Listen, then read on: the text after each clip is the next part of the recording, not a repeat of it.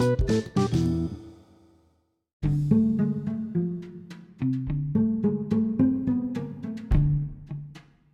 sih berharapnya nggak sampai yang satu tahun bahkan lebih gitu ya.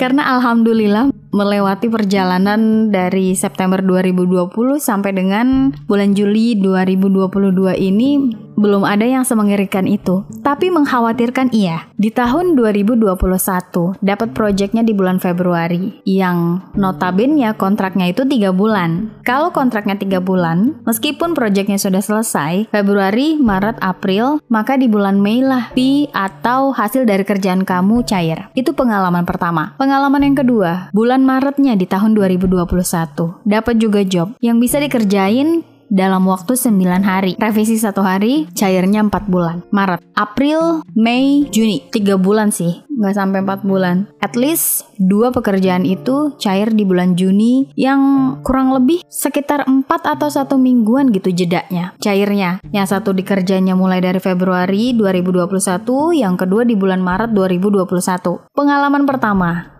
dengan dua proyek yang menunggu 3 sampai 4 bulan baru cair habitnya karena mungkin ngerasa ah saya sudah bekerja dan sudah hitung-hitungan nih kira-kira anak akan dapat berapa gitu. Ya udah santai aja meskipun belum tahu cairnya kapan. Minjem sama orang terdekat untuk kegiatan-kegiatan. Kayak misalnya pengajian kumpul sama temen usaha lagi main dari studio satu ke studio yang lainnya. Well ternyata ketika pencairan itu dilakukan gak sempet nikmatin sama sekali Justru hasil dari dua proyek itu harus membayar uang yang sudah dipinjam ke keluarga karena udah digunakan untuk kegiatan yang lain sama sekali nggak nikmatin. Oke, okay, project yang ketiga dapatnya di bulan November 2021. Yang ini lumayan kompatibel ya perusahaannya. Di awal dia sudah infoin untuk fee yang akan diterima. Memang tidak dikasih tahu akan cairnya berapa lama. Tapi inisiatif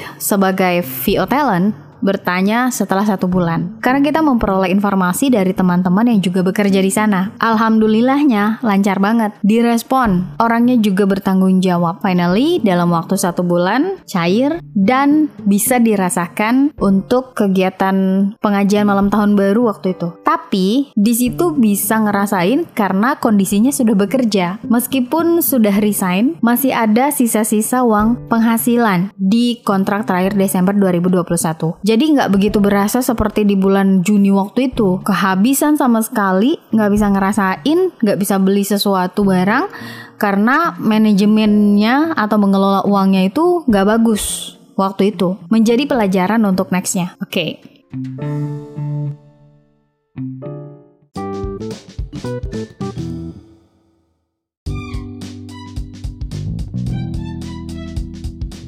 Terima kasih sudah mendengarkan podcast Cerita HR dengan setia. Semoga apa yang dibagikan tadi bisa bermanfaat dan memotivasi kita untuk lebih baik lagi setiap harinya. Saya Hanari Tonga. Wassalamualaikum warahmatullahi wabarakatuh.